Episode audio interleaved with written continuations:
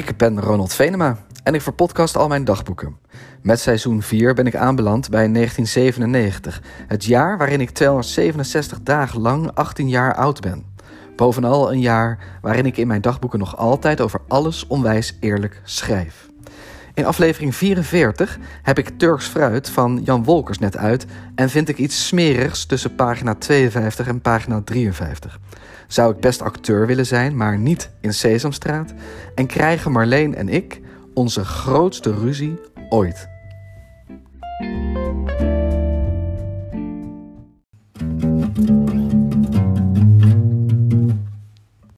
...16 maart 1997, zondag, 11 uur 11. Net hier in bed Turks Fruit van de schrijver Jan Wolkers uitgelezen. Het is redelijk goed, ruim voldoende, een 7,4. Het boek heeft 214 pagina's, dat zijn er ongeveer 100 te veel. Elk boek heeft een begin, een middenstuk en een eind. Het hele middenstuk van Turks Fruit kan er gewoon uit. In het begin neukt de hoofdpersoon, die waarschijnlijk Jan Wolkers zelf is, zich echt helemaal suf. Hij beschrijft dat soms erg mooi. Op de derde bladzijde bijvoorbeeld geeft hij beschrijvingen van de verschillende vagina's die hij de afgelopen tijd heeft gehad. Bosse schaamhaar, ruw als zeegras, zacht als bont. Heel mooi. Die twee zinnen daarna zijn trouwens een beetje smerig. Droge kutten met vratten van binnen. Naar aan je vingers, maar lekker voor je lul. Dat moet Jan er misschien even uithalen. Het ligt er ook wel aan wanneer je die zinnen leest. Als je net wakker bent en je krijgt deze zinnen meteen op je bord, niet heel relaxed. Nou, het middenstuk van Turks Vrijheid kan er dus uit. Dat is zij en suf.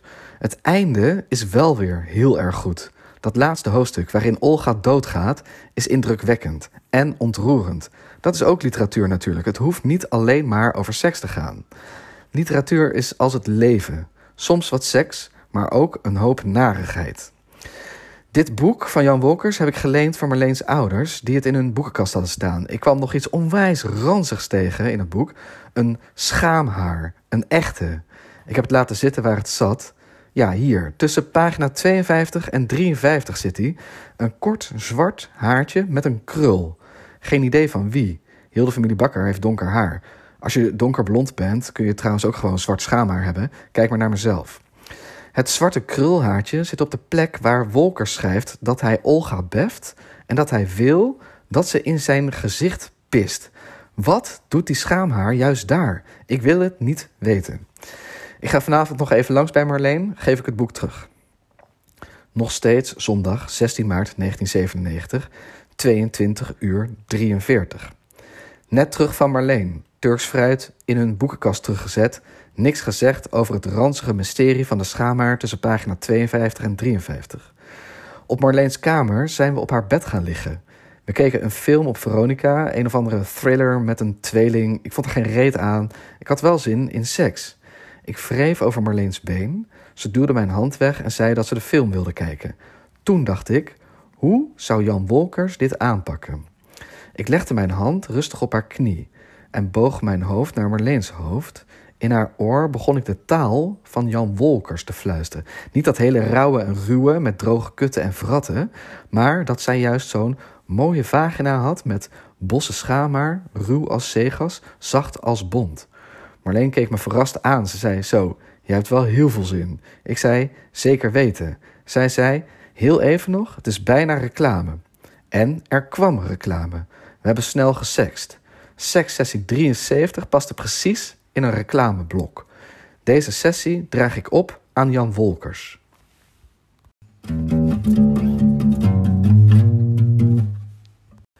23 maart 1997, zondag, 14 uur 00.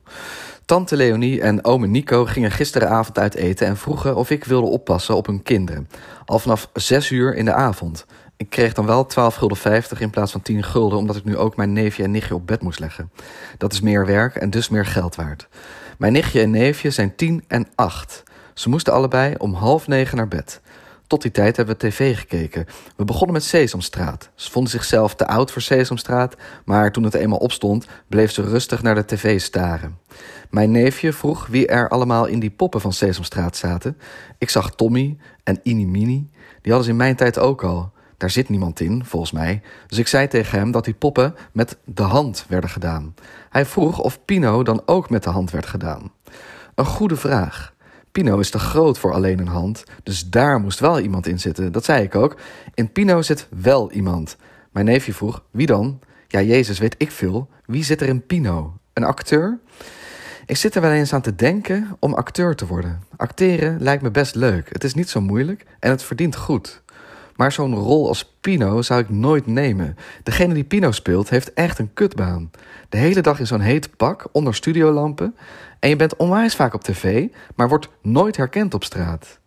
Ik ben trouwens ook te klein voor het Pino-pak. Pino is een meter of twee, denk ik. Dat zei ik ook tegen mijn neefje. Ik weet niet wie er in Pino zit, maar het moet iemand zijn die heel lang is. Mijn neefje wilde later, als hij groot was, ook zo lang zijn. Dan kon hij in het Pinopak Pino spelen in Sesamstraat. Ik heb maar niets gezegd, maar hij is een Venema. Lengte zit niet bepaald in onze familie.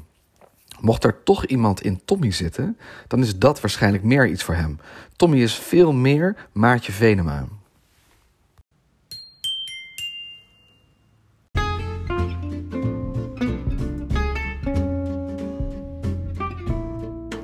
Mijn verpodcaste dagboeken worden verboekt.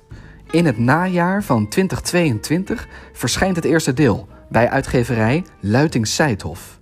Hou je boekhandel dus goed in de gaten. Of kijk op ronaldvenema.nl. Daar komt tegen die tijd vast ook een melding over dat boek van mij. Sowieso een erg leuke site met informatie en foto's en nog veel meer. Kom kijken en kopen. Mega cool, onwijs tof, mijn boek bij Luiting Seidhof. 27 maart 1997, donderdag, 21 uur 44. Het was vanavond mijn laatste keer in het bejaardentehuis als afwasser en etenrondbrenger. De laatste maaltijd die ik rondbracht was voor de meneer van nummer 31, de meneer bij wie ik altijd moet raden hoe oud hij is. 85. Ik stapte zijn huiskamertje binnen. Hij stond meteen op, liep naar me toe en vroeg wat er vanavond voor heerlijks op het menu stond. Ik keek op zijn briefje, het was rode kool. Daar had hij wel trek in. Hij legde een hand op mijn schouder en vroeg: Hoe oud denk je dat ik ben? Het was mijn laatste avond hier en ik had een erg goede dag gehad. Vanmiddag nog een 8,6 teruggekregen voor Duits. Ik gokte dat hij 74 was. Die vent echt keihard lachen. Ik vroeg of ik het soms fout had. Hij knikte en zei dat hij veel ouder was. Toch niet al 80? vroeg ik. Weer keihard lachen. Hij kneep in mijn schouder en zei: Dit ga je nooit geloven. Ik ben al 85. Ik deed alsof dat inderdaad ongelooflijk was, zette zijn dienblad met bord op tafel en wenste hem smakelijk eten. Hij onwijs blij. Tot ziens weer, hè? Ik kon het niet laten om te zeggen dat dit mijn laatste werkdag in dit bejaardentehuis was. Hij wilde weten wat ik dan ging doen. Ik legde uit dat ik nog op school zit en dat ik nu een nieuw bijbaantje had bij een schoonmaakbedrijf. Hij vroeg of ik dan zo hield van pleeschobben. Nee, dat niet. Maar ik kan daar wel bijna 9 gulden per uur verdienen. Veel meer dan die 6 gulden 75 die ik hier krijg. Die bejaarde was volgens mij best onder de indruk van 9 gulden per uur. Hij zei dat hij in de oorlog een moord zou doen voor 9 gulden per uur. Ik liep weg voordat hij zou beginnen over dat hij gekookte bloembollen moest eten in de oorlog. Dat doen bejaarden nogal vaak. Vertellen over gekookte bloembollen in de hongerwinter van de Tweede Wereldoorlog. Die hongerwinter was natuurlijk vreselijk, maar honderdduizend keer moeten aanhoren dat ze toen weer gekookte bloembollen moesten eten, dat is ook kut.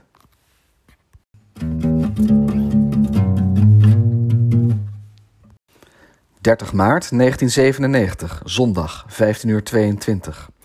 Vannacht zou ik blijven slapen bij Marleen. We kleden ons uit en stapten haar bed in. Voor het slapen gaan eerst lekker seksen, want het is weekend. Paasweekend nog wel, halleluja, praise the Lord. Maar na die seks, echt om twee uur in de nacht, kregen we onze grootste ruzie ooit. Ik ben niet blijven slapen, ik ben naar huis gefietst. Er was tijdens en meteen na de seks nog helemaal niks aan de hand. Ik was lekker klaargekomen en ging naast haar liggen en gaf haar een sigaret van mij. Ik pakte haar asbak van de grond en zette die tussen ons in terwijl we gingen liggen roken. Gewoon zoals we dat heel vaak doen. Oppassen waar je ast. Ik zei iets van: En dat was onze 75ste keer. Gefeliciteerd. Op naar de 100. Ik was gewoon een beetje blij met dat jubileum. Marleen draaide haar hoofd naar mij toe en blies rook in mijn gezicht. Ze vroeg of ik dat inderdaad bijhield hoe vaak wij seks hebben gehad. Ik knikte. Ze vroeg wanneer het telde als een keer seks. Ik vond dat nogal een domme vraag. Je weet toch wel wanneer iets wel of geen seks is.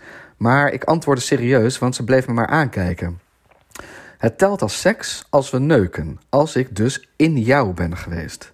Duidelijke uitleg lijkt mij. Marleen zei: Oh ja. Ze bleef even stil en vroeg toen of er ook nog iemand moest zijn klaargekomen om het als seks te mogen laten meetellen.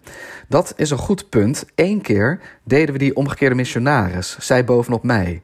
Sekssessie 43 was dat, die ik een 4.3 moest geven. Een zware onvoldoende, omdat ik niet was klaargekomen. Maar ik heb die keer toch meegeteld als een keer seks. Ik zou die keer kunnen wegstrepen, maar dan moet ik al die hartjes in mijn agenda bij gaan werken. En daar heb ik geen zin in. Dat wordt ook een rotzootje. Ik zei tegen Marleen dat ik in principe wel moest zijn klaargekomen om het als een keer seks mee te laten tellen. Marleen keek me ineens aan alsof ze naast Adolf Hitler in bed lag. Ze mompelde een paar keer kinderachtig: in principe, in principe. En toen ontplofte ze.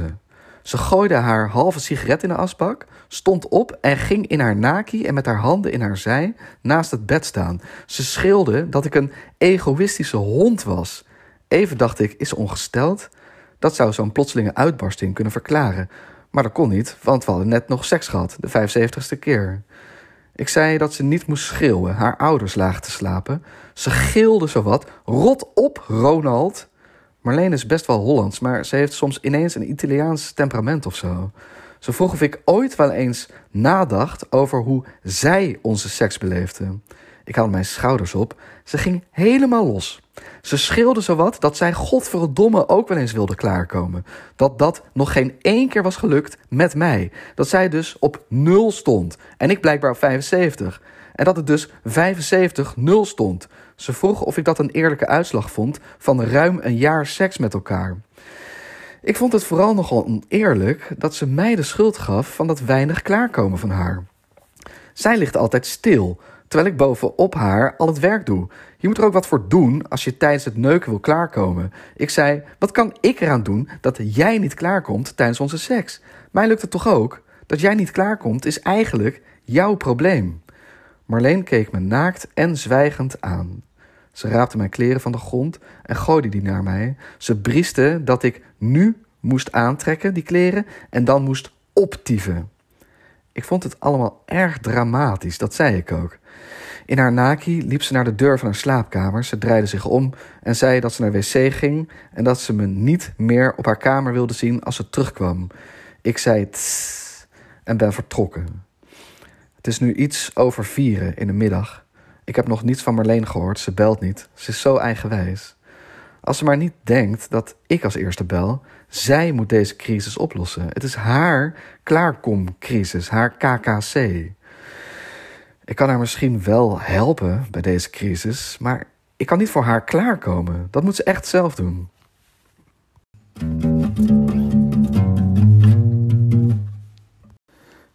31 maart 1997, maandag, 0 uur 29.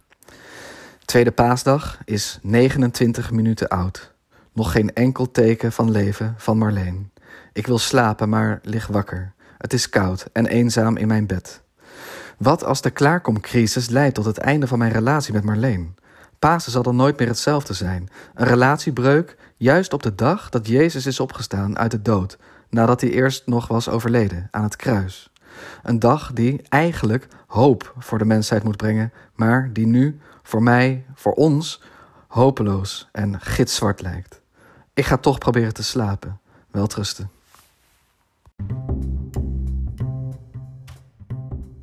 Dit was aflevering 44 van de podcast Alles Onwijs Eerlijk. Wil je me wat vertellen? Mail me dan op ronaldvenema78.gmail.com of check Twitter, @ronaldvenema. En nu snel de volgende aflevering luisteren. Een aflevering waarin ik s'nachts denk aan de doodstraf... en me afvraag of mijn familie wel weet hoeveel ik van hen hou.